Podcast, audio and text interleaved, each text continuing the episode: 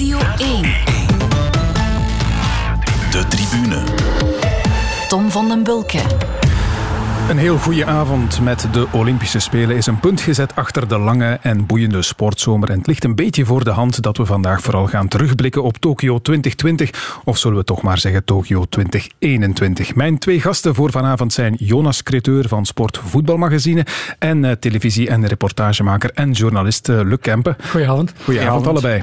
Jonas, heb je nog wat eh, energie gevonden om tot hier te komen? Want het is al wat geweest natuurlijk. Wel, laat ons zeggen dat ik ehm, de laatste 16 dagen ben opgestaan en ben gaan slapen met de Olympische Spelen. Soms heel vroeg en soms heel laat. Zoals eh, zaterdag met, na de marathon van eh, Bashir Abdi. Of, of eh, op de eerste dag bijvoorbeeld de wegrit om vier uur s morgens opstaan.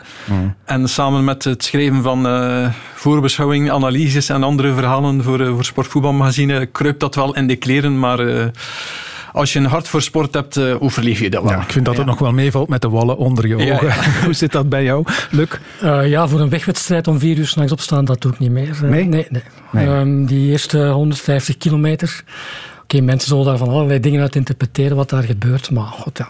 Ja. Nee, dat, eh, Nee, je hebt het op een min of meer Belgisch bioritme gehouden dan? Of? ja, en eh, toch ook nog veel gelezen. Ik denk ook eh, heel wat kranten waren op, eh, op topniveau. Zo. Het is wel weer fijn om in eh, kranten te bladeren of te, te glijden of te schuiven. Wat, wat het ook is als het op eh, een iPad of computer is. Ja, wij Maar, gaan er... ehm, eh, Olympische Spelen zijn wel altijd meer nog dan voetbal en wielrennen, denk ik. Wielrennen komt misschien wel in de buurt.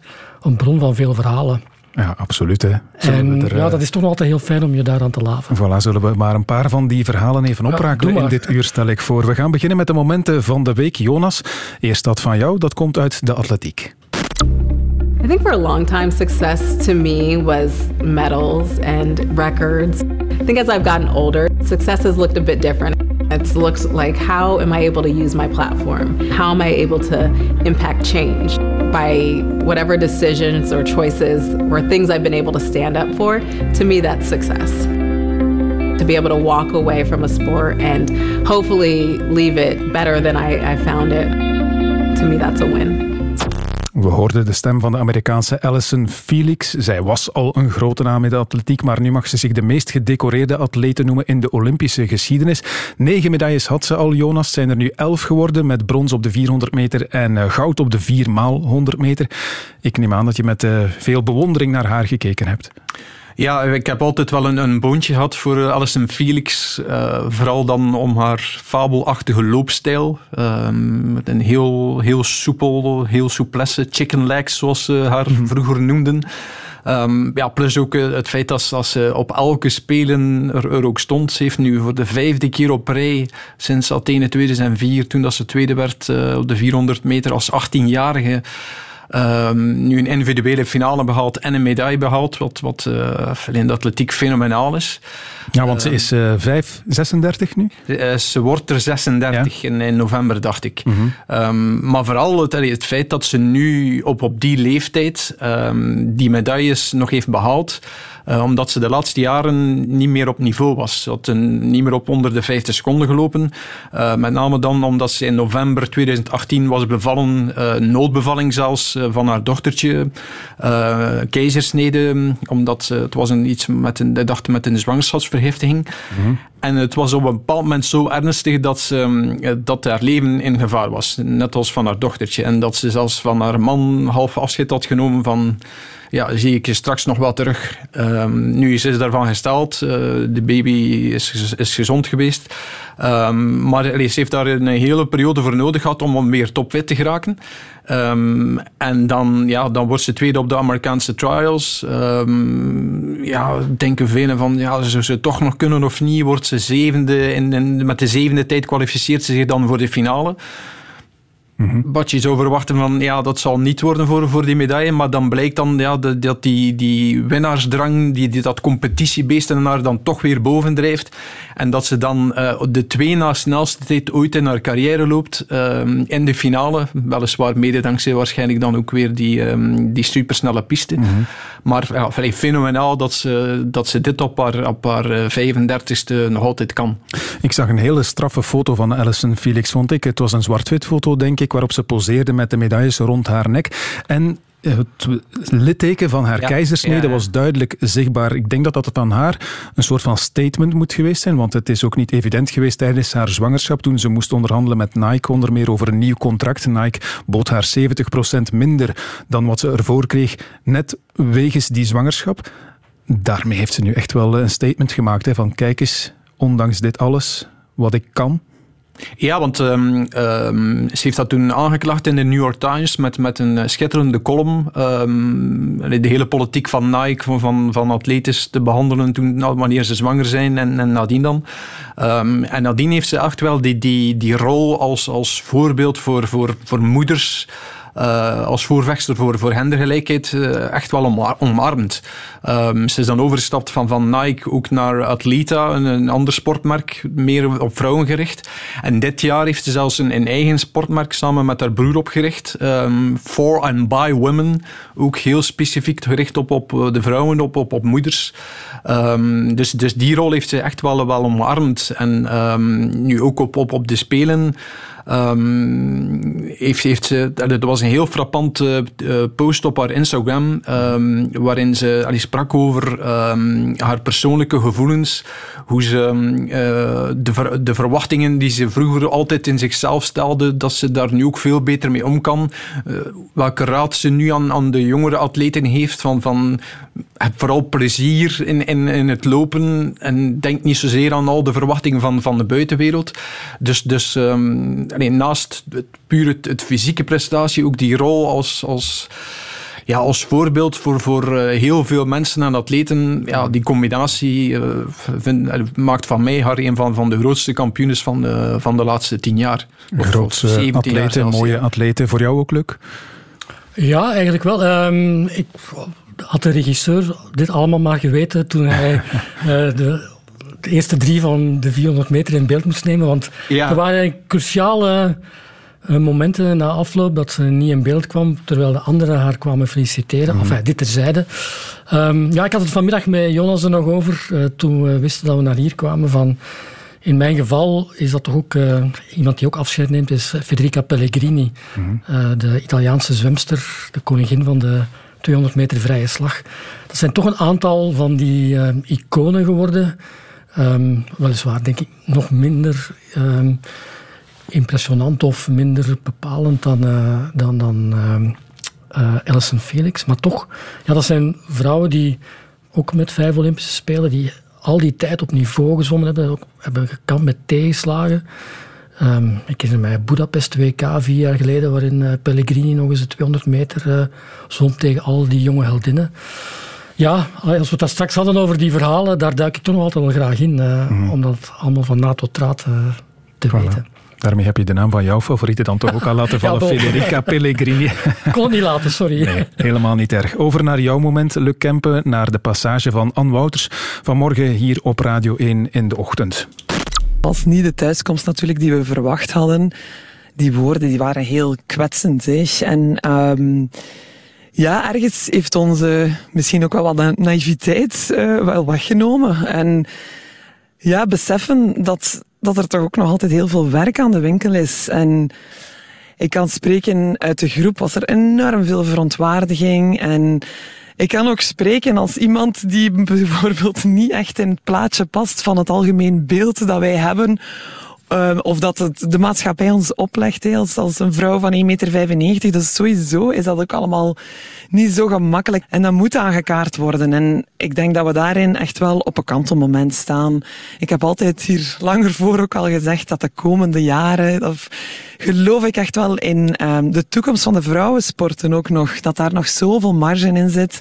En dat we dat ook wel... Um, ook met een ander uh, licht op moeten schijnen. En dat blijkt nu nog eens in sportredacties, dat daar misschien toch wel ook een, een verandering in mag komen en moet komen. En dat denk ik dat zo'n pijnlijk voorval misschien ook wel nog iets, um, een constructief iets kan betekenen. Ja. Anne Wouters over de uitspraken van een van onze Sporza-collega's. Uitspraken die heel hard aangekomen zijn bij de Belgian Cats. Uitspraken die geen plaats hebben binnen de openbare omroep, voor alle duidelijkheid. En waarover de directie zich verder zal buigen. Wat Anne Wouters-Luk daar onder meer zegt, is dat er nog altijd veel werk aan de winkel is. Dat het hokjesdenken blijkbaar nog altijd geen verleden tijd is. Jij zit ondertussen 30 jaar in de journalistiek. Hoe bekijk jij dit? Is er veel veranderd in al die tijd of niet echt? Wat vind je? Ja, ja en nee. Ik bedoel, ik ehm, ben in een redelijk vrouwelijke omgeving opgegroeid. Ehm, en ik herinner me nog, toen ik in 1990 begon bij De Morgen, zat er eh, één vrouw op de sportredactie van De Morgen. Dat was de secretaresse, maar die, haar rol was veel groter dan dat. was Marianne de Vos. En die wist meer over sport soms dan al die mannen samen. En ik bedoel, dat heeft mij wel doen, vanaf het begin doen beseffen van, hola, ehm, mocht je dan al uh, er ideeën op nahouden van vrouwen weten daar niks over of zijn uh, wat dat betreft lopen achter, daar was ik wel meteen vanaf. Gesteld, mocht mhm. dat het geval geweest zijn. Um, daarna ja, is uh, er is toch veel veranderd, denk ik. Um, het feit dat uh, Katrien van Eijlen een paar maanden geleden voor het eerst sportweekend uh, presenteerde in het mhm. instituut, dat zegt toch wel iets. Aan de andere kant um, was er een foto, denk ik, die jouw collega Wouter de Smet gisteren postte over de persconferentie van het uh, BOIC. Aan, aan, het einde van die Olympische Spelen in Tokio, mm waar ze de balans opmaakten van, van die twee weken. Ja, en dan zie je daar achter die tafel uh, vijf grijze of kalende mannen zitten, allemaal dezelfde leeftijdsgroep. Ja, zo één beeld wijst wel op het feit dat er toch nog heel veel uh, werk aan de winkel is. Mhm. Het is um, niet bij de reactie van enkel de Belgian Cats gebleven in deze. Justine van Avermaat, een van de Red Flames, heeft een open brief geschreven gisteren waarin ze schrijft dat de vele vooroordelen en denigrerende opmerkingen rond vrouwelijke topsporters nog altijd schering en inslag zijn. Nu, dit pijnlijke voorval, kan dit een kantelmoment zijn zoals Anne Wouters hoopt? Of is dat dan toch weer ergens een naïeve gedachte? Ik weet het niet. Ik denk ook dat je ehm, sport niet kan, kan loskoppelen van de maatschappelijke realiteit waarin dat we vandaag zitten. En dat is dat er toch een soort conservatisme ehm, onder, de, ja, onder de waterspiegel zit. Mhm. Want ik vond een uh, interview vorig, van vorig jaar terug uit, uh, uit Humo, waarin de partner van Anne Wouters geïnterviewd wordt. En daarin zegt ze letterlijk van... Kijk, um, Anne, die ook in Turkije gespeeld heeft, en ze zijn voor vakantie in, uh, in Turkije. Uh, na al die jaren zijn ze daar terug. En zij zegt van ja, kijk, het is uh, in tegenstelling tot een aantal jaren geleden voor een lesbisch koppel niet meer evident om in Turkije op vakantie te gaan. Dat voelden we heel goed toen we laatst in Kayseri waren. En ja, tijdens die trip um, hebben ze zich altijd, of toch een groot stuk, voorgedaan als twee zussen. Dat zegt ook wel iets mm -hmm. natuurlijk. En ik heb zelf ervaren dat als je ik heb destijds afspraken in Rio gemaakt, een aantal jaar geleden, tussen 2013 en 2016. Toen dacht ik van, kijk, het aantal sporters dat daar aan bod kwam, was voor de helft vrouw en voor de helft man. Dus ik dacht, ja, oké, dat was eigenlijk voor de eerste keer dat dat vrij gelijk kwam te liggen. toen dacht ik van, ja, misschien is er toch iets aan het kantelen. En dan een aantal jaren later, toen ik hier nog eens met een programmavoorstel kwam, wat dan uh, ging over, uh, of wat in de aanloop zou moeten uitgezonden worden naar het WK wielrennen in Innsbruck, wat voor het eerst sinds lang eigenlijk een parcours was waarop er heel erg veel moest geklommen worden, wou ik eigenlijk iets maken um, over de liefde voor klimmen en de bergen. En ik wou dat ja, zo breed mogelijk maken. Ik dacht ook, ja, ik moet eigenlijk ook wel een vrouwelijke of een renster vinden die houdt van klimmen. En ik belde eens naar de Wielerbond en dan zei we, ja, dat kennen we hier niet. Ik wens jullie wens je veel succes, Luc, dat ga je hier niet vinden. En dan dacht ik, ja, kan toch niet? En dan ben ik uiteindelijk uitgekomen bij Julie van de Velde, die nu ehm, bij Jumbo-Visma rijdt, een ex-loopster. Die stond toen op het punt van... Ehm, van ja, die was overgeschakeld naar, naar fietsen en hield van klimmen. En wou beter worden in dat klimmen en hield van de bergen. En als je dat dan uh, komt voorstellen, dan merk je toch, die eerste reflex is toch van... Mm, uh, het is een vrouw. Mm -hmm. we, gaan, we, er gevoel twijfel. En ja, de eerlijkheid biedt mij te zeggen dat dat toch nog altijd een, een heersende tendens is en dat er nog heel veel werk zal zijn om dat eh, weg te krijgen. Mm. Jonas, jij hebt ook al vele jaren gesleten op sportredacties. Hoe denk jij erover? ik heb het zelf nooit specifiek ervaren bij ons op de redactie of, of uh, vroeger op een andere redactie bij, bij, bij Krant van West-Vlaanderen. Um, dus daar kan ik niet echt specifiek over meespreken. Ehm, het, enige ehm, wat mij nu wel lijkt, is, is dat, dat er nu wel een grote kans is, um, met name dan voor de Belgian Cats, en dat hebben ze ook wel zelf aangegeven, om, om nu proberen dat thema, ja, daar een, leidende rol in, in, te spelen en al dan niet met de VRT of, of met, uh, met andere organisaties.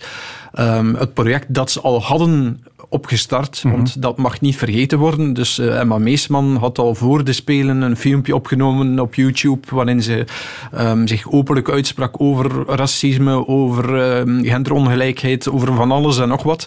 Uh, van, van maatschappelijke thema's. Iets dat ze um, ja, heel, nauw aan, heel na aan het hart lag na haar periode in, in, in de WNBA en, en alles wat ze daar had meegemaakt met de Black Lives Matter beweging. Ze heeft daar bij ons dan ook, ook een uitgebreid interview gegeven in Sportvoetbalmagazine, waarin ze dat heel openlijk wilde aankaarten en ook zei van ik wil die leidende rol op mij nemen. Um, en ja, na dit voorval denk ik dat, dat Emma en samen met dan het hele project van de Cats en al dan niet dan in samenwerking met andere organisaties um, daar misschien wel een, een, ja, een heel mooie rol kan inspelen. Mm Ja, als maker denk ik dan wel van kijk, um, uh, Emma speelt onder andere in Rusland.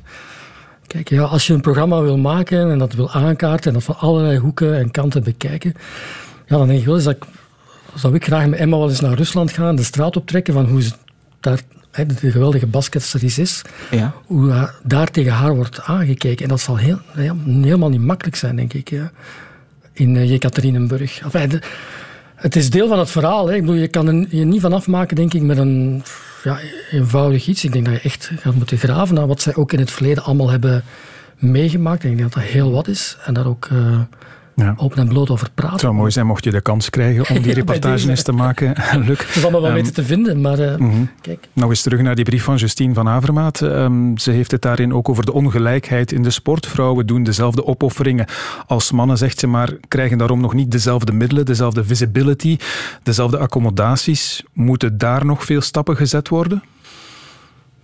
Ja, dat denk ik wel. Aan de andere kant... Um, wat is er overgebleven van die UCI, van de eis van, aan organisatoren dat, er, eh, dat ze naast een, een, mannenwedstrijd in de World Tour ook een, eh, een vrouwenwedstrijd uh, moeten organiseren, zeker geloof ik? Of uh, is dat nog aan de orde?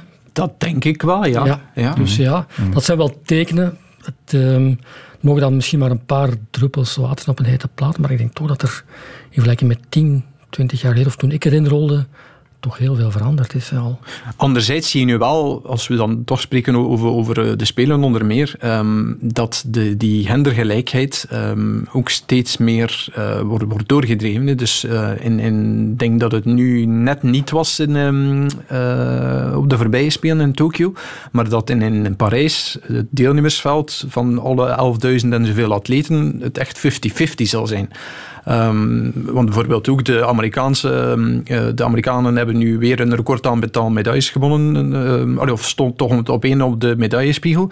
En het merendeel daarvan waren vrouwen, uh, met een record aantal medailles.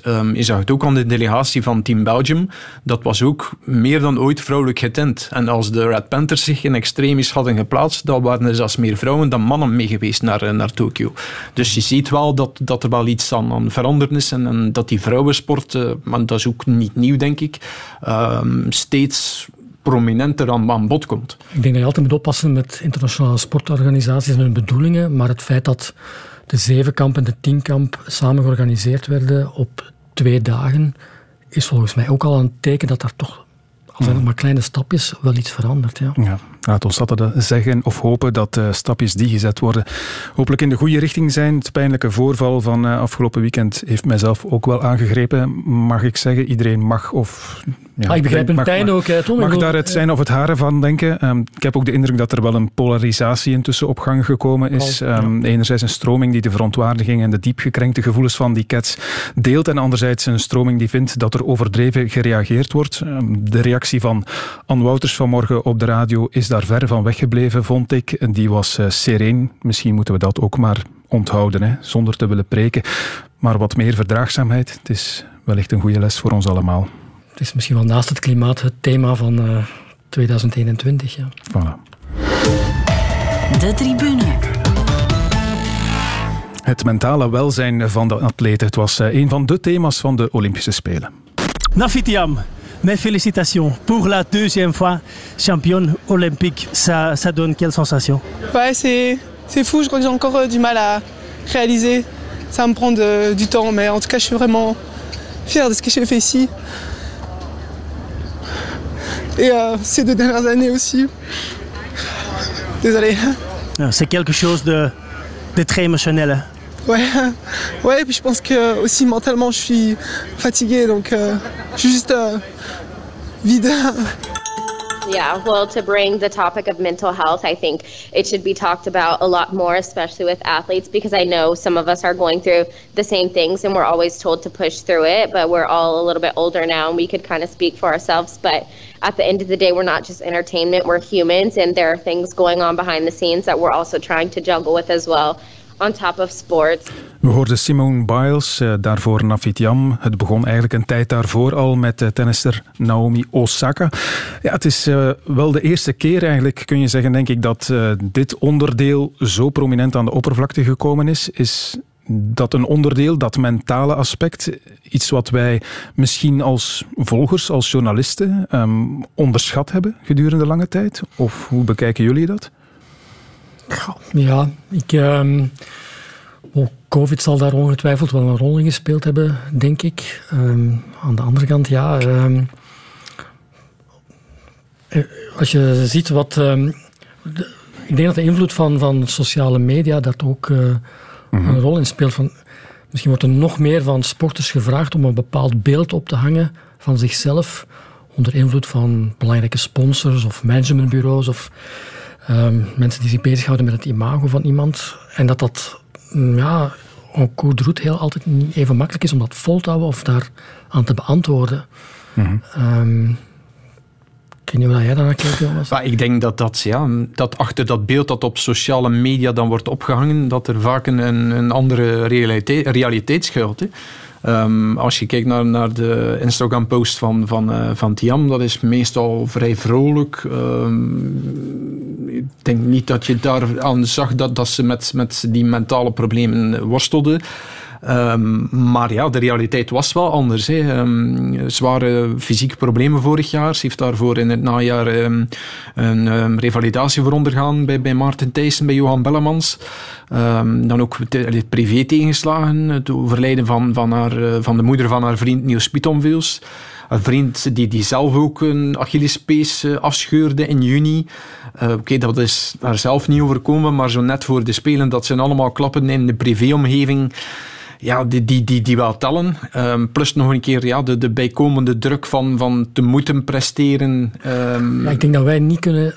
we kunnen dat wel inschatten van wat het betekent voor uh -huh. haar om voor de tweede keer goud te winnen op de uh, zevenkamp. En ja. wat daar allemaal ook nog uit voortvloeit. Ik bedoel, ja, dat bedoelde ik inderdaad met die onderschatting die wij misschien wel hebben. Hè? Ja. Ja? ja even dat wij denken dat het maar evident haar is. weet ik dat um, ze na haar eerste Olympische gouden medaille nog niet meteen in de hoogste schuif lag bij Nike. Um, en toen heeft ze wel een contract gekregen. Hè? Ja, ja. maar niet het allerbeste. Hè. Ja, ze heeft wel een contract gekregen. Maar, ja, maar... Ja. Wij bekijken dat misschien toch vanuit een ander perspectief. Mm. Ze wordt door Nike niet beschouwd als de, als de grote ster die uh, in de buurt komt van een bepaalde Amerikaanse atleet. En misschien dat een tweede gouden medaille dat gaat veranderen of iets aan zal veranderen.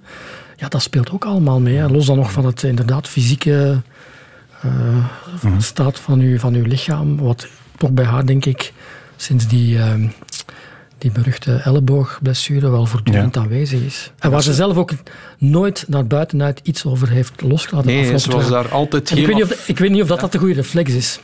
Ja, het zijn inderdaad uh, dingen die je gaat zoeken nu, hè, die oorzaken. We hebben ze denk ik al voor een stuk benoemd. Het coronajaar. Eline Berings, die psycholoog is en, en zelf ook atleten, heeft dat ook benadrukt van onderschat echt niet wat dat coronajaar gedaan heeft met atleten. Dat is echt niet gemakkelijk geweest. En dan... De tijd zou je denken als naïveling van bon, ja. in alle rust en ver van alle ja. bemoeienissen van televisie of ja, oké, okay, maar ik denk dan als het uit de mond komt van Eline, ja, die is tenslotte zelf atlete, die zal het dan wel beter weten dan wij, denk ik. Misschien um, wel. Goed. En uh, voor de rest, die sociale media inderdaad, hè, hebben jullie ook net uh, benoemd. Ik merk trouwens dat er steeds meer verhalen opduiken, ook van uh, sporters die die social media accounts gewoon gaan uitschakelen, hè, terwijl ze in competitie zijn. Zelfs Emma Plasgaard bijvoorbeeld, die had zelfs haar smartphone bewust niet mee naar Tokio. Ja. Die, die lag bij haar thuis. Ze had een simpele telefoon mee waar ze enkel WhatsApp op had. En dat was het. Ja, Sidney McLaughlin, de, die het wereldrecord liep op de 400 meter horden, had ook uh, echt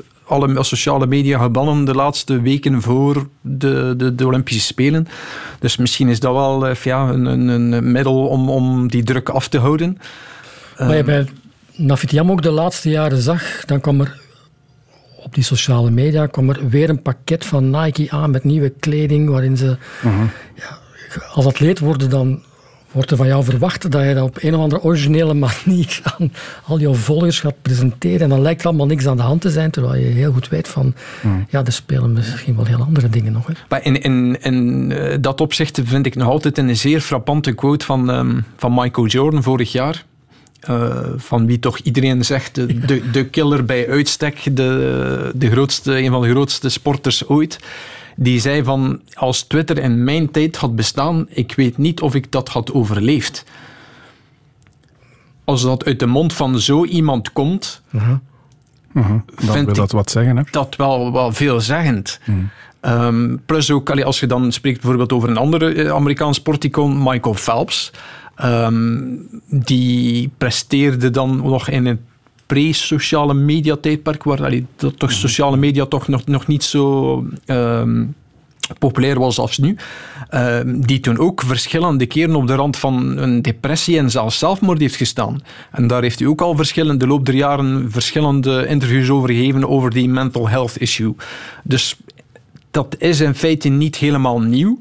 Want verschillende sporters hebben daar het voorbije jaar, jaren over getuigd. Um, ik, geef ook bijvoorbeeld van, van Mark Cavendish bijvoorbeeld. Die 2018, dacht ik, uh, ook een, aan een depressie heeft geleden. Daar ook openlijk heeft over verteld.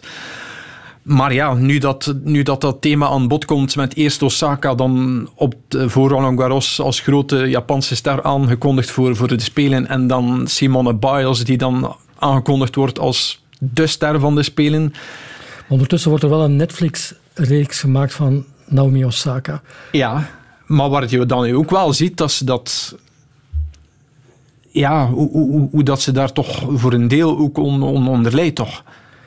Ja, het zal daar wellicht ook opgedrongen zijn, maar tegelijkertijd ja. kan je er als sporter en een, een, een figuur waaraan tientallen mensen van moeten leven ondertussen, ja, kan je me dan niet meer zeggen van ik doe dat niet. Hè. Dat ja, dat, dat, is, dat is net het, um, de zware last die erbij komt. Hé. Misschien wel willen van, ja, misschien liever niet, maar, maar dan toch die druk voelen van de manager, van de sponsor, van ja, je moet dat wel doen omdat het er zoveel tegenover staat. Ja, ik kan me voorstellen dat dat niet simpel is. Hm. Het zal in elk geval wel een thema blijven, denk ik, uh, in de toekomst. Ja. Voilà. Zullen we dan maar eens naar de Olympische Spelen gaan kijken wat uh, de Belgen betreft. Zeven medailles, 69 Olympische diploma's en daarbij zeven vierde plaatsen. We zitten weer in het Aomi Urban Sports Park. Hier gaan de 3x3 Belgian Lions zometeen aan de belangrijkste wedstrijd uit hun leven beginnen. De hen een Olympische bronzen medaille kan bezorgen. Oh, Marie, die bal is achter hem. Paas was niet goed van Bogaerts. En dan kunnen ze het afmaken en het is voorbij. Servië wint de bronzen medaille.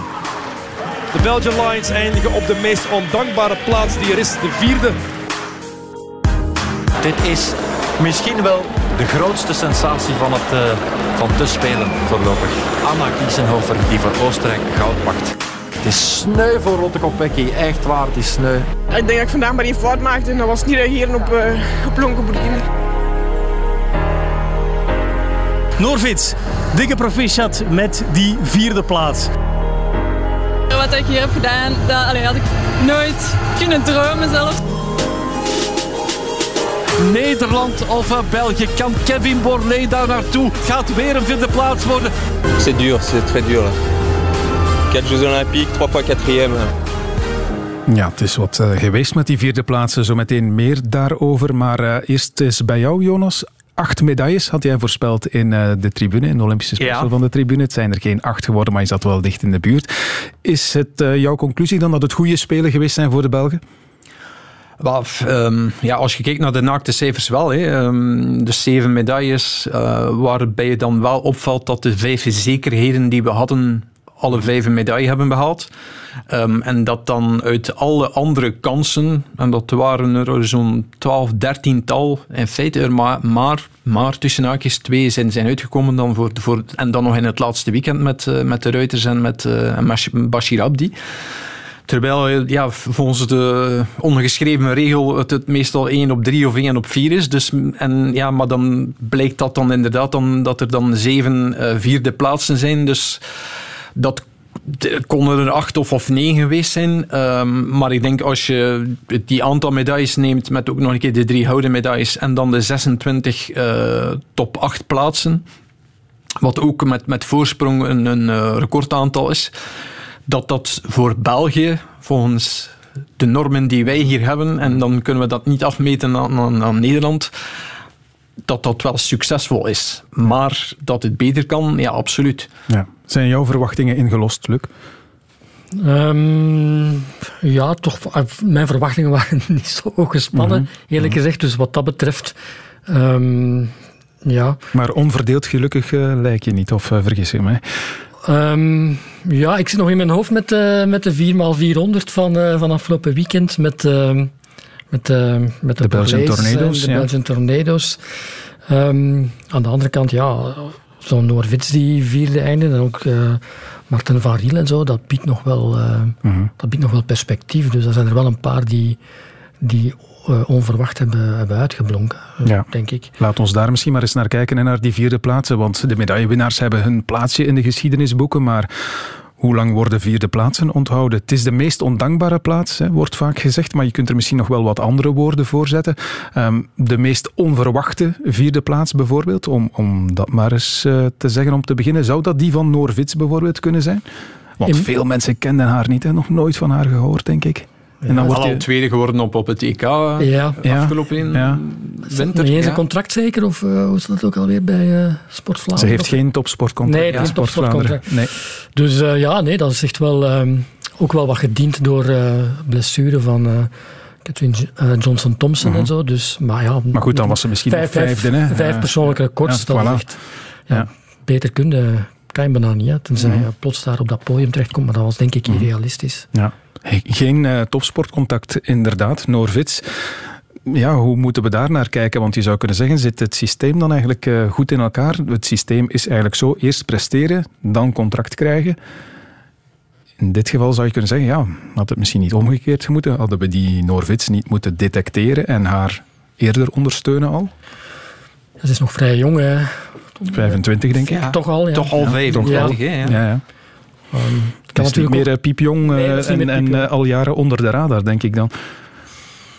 Soms gebeurt het in sport dat er dingen samenvallen die Mhm. mm. niemand uh, verwacht had. En dat heeft, kan te maken hebben met... Uh, ja, mm. plots in een goede fase. Waarom loopt uh, Bashir brons naar brons in de, in de marathon? Mm. Hij wordt ook 31, 32, denk ik.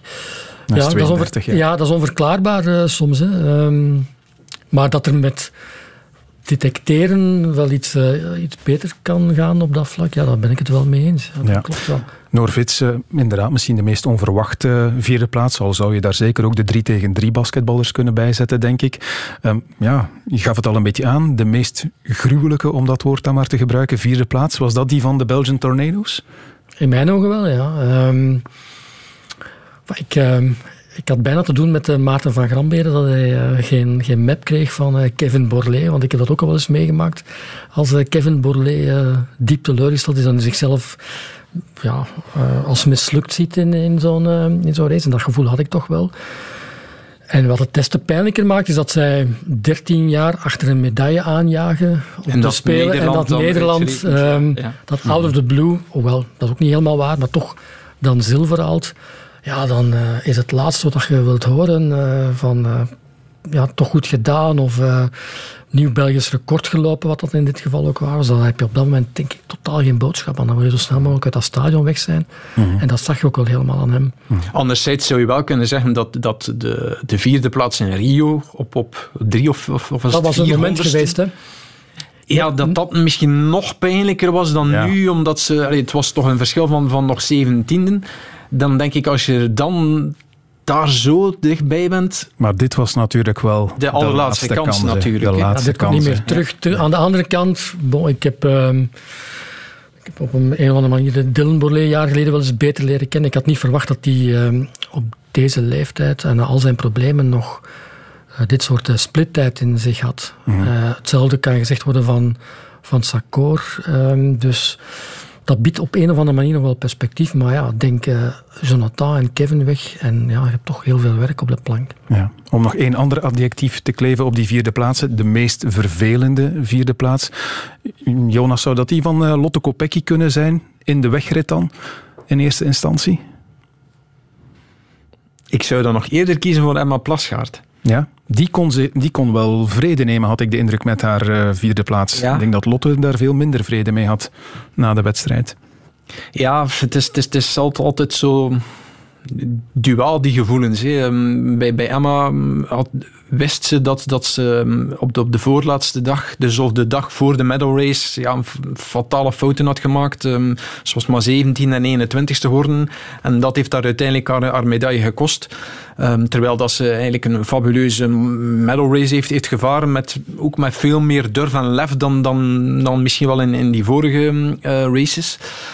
En ja, en dan strandt ze op die vierde plaats, uh, waar ze uh, voor, de, uh, voor de Spelen ook niet meteen zat... Dat, dat, dat mij verwonderd dat zij niet meteen echt heel uitgesproken zei van ik ga voor een medaille. Nee, ik zal wel zien en ik ga mijn best doen. En ze bleef vrij op de oppervlakte. Maar ik kan me wel voorstellen dat, ik ken Emma vrij goed, dat, dat zij toch zeer, zeer ontgoocheld zou geweest zijn. Mm anderzijds heeft zij wel nog, net als Lotte Kopecky, um, wel nog een kans. Ze is 27 jaar. Um, in Parijs binnen drie jaar, 30 jaar. Normaal gezien kan ze daar nog perfect uh, meedoen, want mm -hmm. Annemarie Windom, uh, Marie Bouwmeester zijn allemaal ruim in de 30. Dus zij heeft nog een kans. Net, ja. Hetzelfde geldt ook voor, uh, voor Lotte Kopecky zij kan in Parijs ook nog op de piste of op de weg schitteren. Uh, maar voor de Borlees, laatste kans voor. Ik spreek ook bijvoorbeeld over eh, Kennedy Ketelen. Zij waren ook dicht bij een medaille en misschien zelfs dicht bij hout. En dat was voor Kennedy Ketelen ook zijn laatste kans. Mm. Dus kan ik me wel voorstellen dat het voor, voor de Ketelen, voor de Borlees nog pijnlijker is dan voor iemand die weet van oké, okay, binnen drie jaar heb ik... Ja. Er zijn natuurlijk wel andere landen die met nog meer vierde plaatsen, maar zou je er ook een les uit kunnen trekken van die ja, toch goed gedaan cultuur die er toch min of meer uh, altijd wel insluipt. Hè, ja, maar Nederland had bijvoorbeeld ook elf, elf vierde plaatsen. Hè? Ja, ja, dat bedoel ik. Maar, ja. ja maar daar zie ik dan uh, Bouwmeester uh, op een of ander avondprogramma die bij hoog en bij laag beweert, ik kan hier niet gelukkig mee zijn. Ik, Voor minder dan goud, kan daar niet van slapen. En dat is...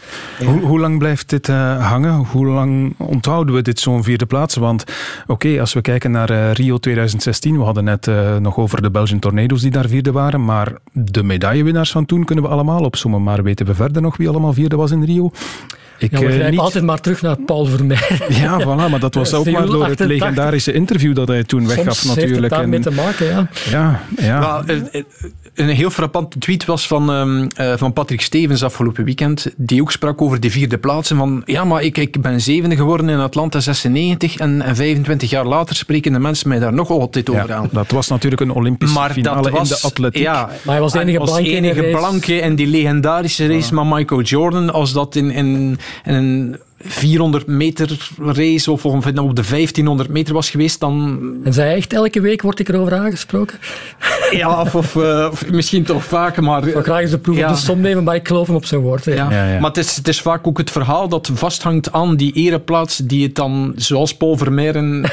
ja, maar het is een, op, dit, op dat opzicht is dat dramatisch dat we uh, hier anno 2021 nog altijd over een vierde plaats in 1988 als het meest Ja, ik, ja, gedenkwaardige vierde plaats. Ja. Uh, praten die er ooit geweest is, dat is ook wel jammer. We zullen er een andere, zeker gedenkwaardige prestatie bij nemen. Het was geen vierde plaats, maar wel een derde. Brons in de marathon. Fantastisch gedaan van Bashir Abdi.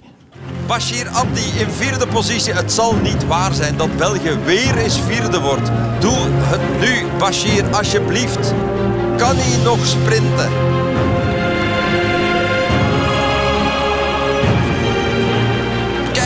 Kijk, en die doet maar teken. Kom, we gaan nu, we gaan nu. Kom aan, Bashir, nog even. En je hebt brons. Nage pakt zilver. En Bashir Abdi pakt brons op de Olympische marathon. Hi, Mo. Hi. You okay?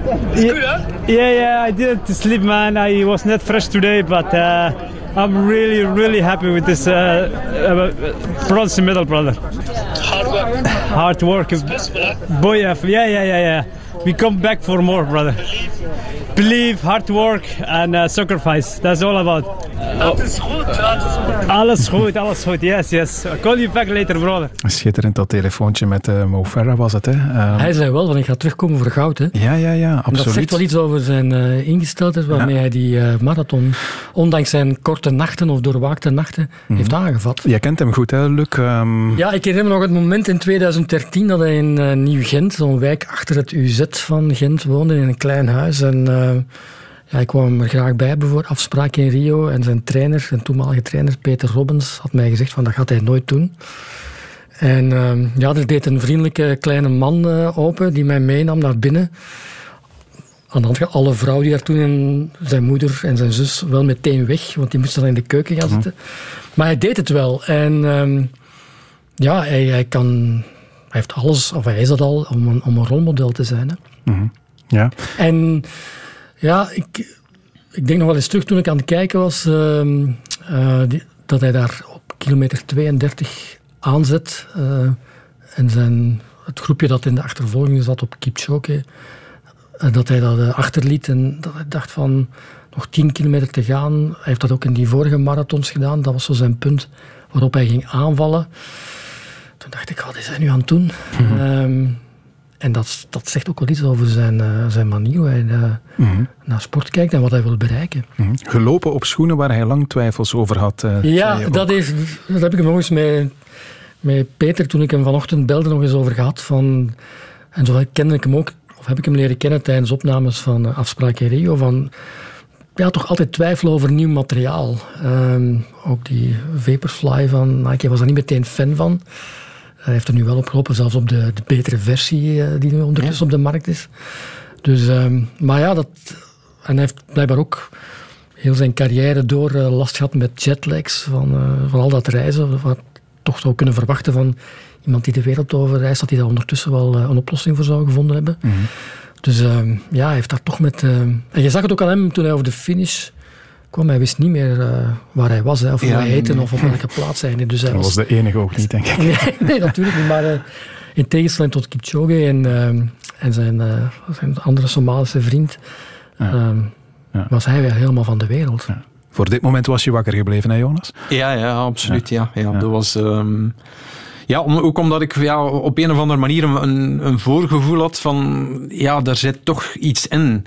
Mede dan vooral door, door die speciale omstandigheden. En, en je weet dat, dat Bashir mentaal zo sterk is om, om in die hitte en die, in die ja, toch het allerbeste uit zichzelf te halen en, en tien keer over de limiet te gaan.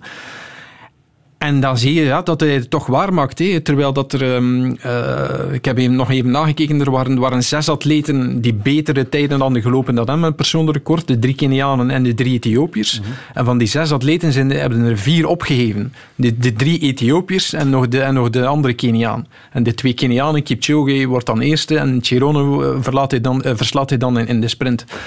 Um, ja. Ik ben wel eens benieuwd wat hij nu gaat doen, want met die derde plaats treedt hij wel toe tot het krantje van de echte grote marathonlopers die er nu uh, zijn. Ja, ik denk niet dat hij hem kende, maar ik ken hem natuurlijk niet zo goed, dat hij ja. nog aan kampioenschappen gaat blijven deelnemen. En dat hij toch ja, die twee grote marathons elk jaar, waar dan heel veel geld mee te verdienen valt. Ja, want me... 32 in de marathon is niet, is niet oud. Nee, is niet problematisch op ja. zich. Dus uh, ja, hij heeft alle reden om te denken dat het in Parijs misschien nog beter kan. En waarom niet? Ja. Ehm, Maar blijft wel een feit, en, en dat vind ik eh, altijd zo bewonder- bewonder- bewonderenswaardig. Ehm, als je naar zijn voorbereiding kijkt, eh, zijn vriend Bert eh, heeft hem gisteren nog laten weten, van het laatste jaar heeft hij tien maanden, tien maanden in het buitenland gezeten, in Foromeu en in Ethiopië, weg van thuis, weg van vrouw, weg van zijn twee kindjes, drie en één jaar. En ik wil ze, de Belgische atleten niet te eten geven die in Foromeu allemaal gek geworden zijn. hè. Zelfs Vincent Rousseau, die toch ook redelijk tegen isolatie kon, die werd ook gek in Foromeu. Dus je moet wel een apart karakter hebben om daar te overleven. de laatste keer dat hij zijn vrouw en zijn kinderen gezien heeft, was, was op 22 juni. En daarna is hij naar Foromeu geweest en dan rechtstreeks naar Rio, eh, naar, eh, naar, Rio, naar Tokio gevlogen. Allee, om maar te zeggen wat, welke kop je moet hebben om, om dat allemaal te overleven. Oké, goed. Jonas Creteur en eh Le Kemp, jullie hoeven niet weg te lopen, maar we gaan er nog een eh, derde stem even bij halen. En wel hiervoor. Buen día. La verdad que no. No sé si va a hablar. La verdad que no me salía nada. Estaba bloqueado, como lo estoy ahora todavía. Es muy difícil esto para mí, después de, de tantos años. Ja, Lionel Messi in tranen op de persconferentie gisteren in eh, Barcelona. Goedenavond, Michael van Varenberg. Ja, onze collega die opstaat en gaat slapen met het Spaanse voetbal. Ik wil het er met jou wel even over hebben. Een bom in het voetbal, eh, zonder enige twijfel. Kun je nog eens uitleggen waarom Messi nu eigenlijk uiteindelijk onmogelijk nog kon blijven bij Barcelona? Eh, ja, ze hebben geen geld eh, en hij is transfervrij. En daar is eigenlijk ja, het grootste probleem, want om hem een nieuw contract aan te bieden, zelfs gratis of aan een minimumloon, moeten ze hem opnieuw registreren. En ze kunnen geen nieuwe spelers registreren. Ook de andere spelers die eh, in de zomer zijn gekomen, Memphis Depay, uh, Kun we hebben nog eh, Eric Garcia, die kunnen allemaal niet geregistreerd worden, omdat Barça een salarisplafond heeft dat heel hoog ligt. En ze hebben 110% van hun salaris ten opzichte van hun inkomen. En dus is La Liga strikt en mogen ze eigenlijk geen nieuwe spelers registreren. Mhm. Messi heeft eh, de voorbije jaren om en bij de 550 miljoen euro verdiend, blijkbaar bij Barcelona. Als je dat omrekent, eh, blijkt dat 210.000 euro netto per dag te zijn. Om maar te zeggen, ja, een bom van een eh, contract natuurlijk. De vraag is nu, of een vraag die vaak opgeworpen wordt de afgelopen dagen, is of Messi na al die vergaarde rijkdom nu niet uit clubliefde voor een minimumcontract nog zou kunnen spelen in, in wat toch de laatste jaren van zijn carrière zijn. Was dat een optie of niet? Ja, als ze nu eh, niet hadden gewacht tot eind juni, tot zijn contract was afgelopen, was dat zeker een optie. Hè? Want dan moest je hem niet opnieuw registreren. Maar eh, ja, je kan ook wel een beetje redeneren van, ja, is, is Messi dat verplicht om eh, aan een minimumloon voor een club als Barcelona te spelen? Hij heeft veel gekregen van de club, maar andersom ja, heeft eh, de club ook heel veel gekregen van Leo Messi. 35 trofeeën in totaal. Ehm, eh, een collega van de Gezet van Antwerpen, Koen Frans, stuurde mij nog door dat hij in de, de voorbije 16 seizoenen een voet had in gemiddeld 63 doelpunten per jaar. Dus ja, hij is voor mij de beste voetballer ter wereld. Moet hij dan voor een habbekrats gaan spelen? Dat lijkt me ook niet 100% eerlijk. Het is misschien ook een beetje naïef ergens om dat te verwachten. Nee? Ja, ik denk wel dat die tranen geen krokodillentranen Mhm. waren. Dat die wel eh, ja, zeer gemeend waren, omdat hij gewoon, denk ik, naïef was en, en niet op de hoogte was van eh, de penibele situatie waarin Barcelona zich toch echt, echt bevond. En er altijd, zelfs tot een paar dagen voor het uitlekte dat het niet mogelijk was, ja, toch mogelijk leek. Eh, alle inside-kenners, alle journalisten in Spanje, die waren ervan overtuigd dat het allemaal in kannen en kruiken was. En ineens ja, komt die, die atoombom eigenlijk in het wereldvoetbal en moet hij een andere club gaan zoeken. Is Messi niet rijk genoeg om de club te kopen en zelfs de schulden ook nog over te nemen? Hij is zeker rijk genoeg om dat te doen, maar eh, er is een probleem in Spanje. Eh, er zijn vier clubs in Spanje die, eh, ja, die een, eh, een socio-club zijn. Dus dat wil zeggen dat de macht bij de leden ligt. En eh, je kan geen buitenlandse investeerder dan aanporren om ja, even wat geld te investeren in, in de club. Dus de macht ligt bij de, bij de fans en, en ze moeten eigenlijk een, een NV worden voor zoiets mogelijk is. Dus dat is structureel ook gewoon geen optie geweest voor Barcelona. Nee, dat kan niet. Nee. Oké, ehm, ik zag ergens dat het eh, vertrek van Messi dan wel uiteindelijk, ja, uiteraard, de loonbalans van de club verbetert, maar ook wel voor een groot inkomensverlies eigenlijk zorgt. Want ja, hij brengt ook wel wat binnen natuurlijk aan opbrengsten. Mensen komen naar het stadion voor Messi, mensen kopen allemaal zijn shirt, enzovoort en zo verder. Dus ja, zit daar niet ergens toch nog een evenwicht in? Blijkbaar niet dan. Nee, om, ja, hij, heeft, hij heeft denk ik eh, ongelooflijk veel geld opgebracht voor de club, omwille van ja, marketing, shirts verkopen, weet ik allemaal. Maar eh, ik heb ook al gezien vandaag dat uh, de marktwaarde dus, uh, ja, van Barcelona als merk dan al met 11% gedaald is sinds het nieuws bekend is dat, dat Messi gaat, gaat vertrekken. ja, hij had dus niet gratis kunnen, kunnen verder voetballen en het is nog altijd niet opgelost nu. Dus ze moeten nog altijd zware contracten verkopen bij Barcelona. Zondag is de eerste competitiematch tegen Real Sociedad en het is niet zeker ja, dat er een paar van die nieuwkomers ja, aan de aftrap mogen vers mhm. En wie er nog allemaal moet vertrekken, dat zijn de ja, de mannen met gigantische contracten à la Messi. Dus uh, een Antoine Griezmann die ja, heel veel gekost heeft en nog niet echt op twee seizoenen tijd gebracht heeft om dat prijskaartje te valideren. Er was een invalbeurt van Umtiti in de vriendschappelijke wedstrijd die ze hebben gewonnen van uh, Juventus gisteren in de Trofeo Gamper, waar die op de korrel genomen werd door het publiek, echt werd uitgefloten, omdat hij er nog steeds is en heel veel verdient en voortdurend geblesseerd is. Maar ja, het zijn ook maar mensen natuurlijk, die, die kan je niet verplichten om, om de uitgang op te zoeken. En als er geen andere clubs geïnteresseerd zijn, ja, dan zit je met een blok en, en, en zit Barcelona echt in, in heel vieze papieren. Mm Die Primera Division gaat inderdaad weer herbeginnen. Nu Lionel Messi weg bij Barcelona. Sergio Ramos, toch ook een icoon van de Spaanse competitie, weg bij Real Madrid. Dat was ook een probleem. Ze konden hem daar ook al niet meer betalen. Ja, hoeveel van zijn aantrekkingskracht is La Liga eigenlijk uh, stilaan kwijt? Want echt veel grote sterren zijn daar niet. Hè? Als je kijkt naar de echte grote. Ja, gigantisch veel. Hè. Um, Eden Hazard is er nog en hij ziet er fit uit, dus uh, dat, dat, dat, stemt mij wel uh, positief gezind.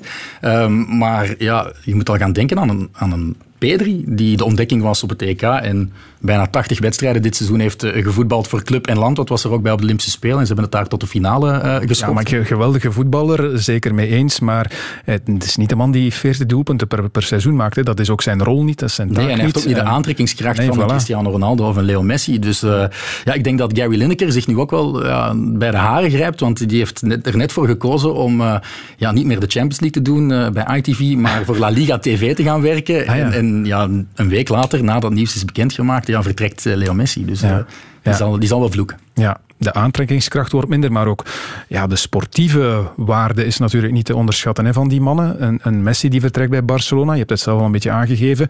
Uh, je zou eigenlijk kunnen zeggen, Real Madrid is nog altijd niet hersteld van het vertrek van Cristiano Ronaldo. Als je ziet hoeveel die op sportief vlak betekende voor de club en hoe het eigenlijk daarna toch minder geworden is al maar voort bij, bij Real Madrid ja, Vooral Europees dan, denk ik. Hè? Europees, ja goed. In, in Spanje doen ze mee voor de titel, dat is zeker ik denk, ik denk dat we nu echt wel mogen concluderen dat de rode loper opnieuw is uitgerold voor Atletico Madrid om uh, ja, uh, twee keer na elkaar kampioen te worden. En, en ja, er, uh, er, is nog een berichtje vandaag op Twitter verschenen van Tancredi Palmeri, een, uh, een gerenommeerde Italiaanse journalist.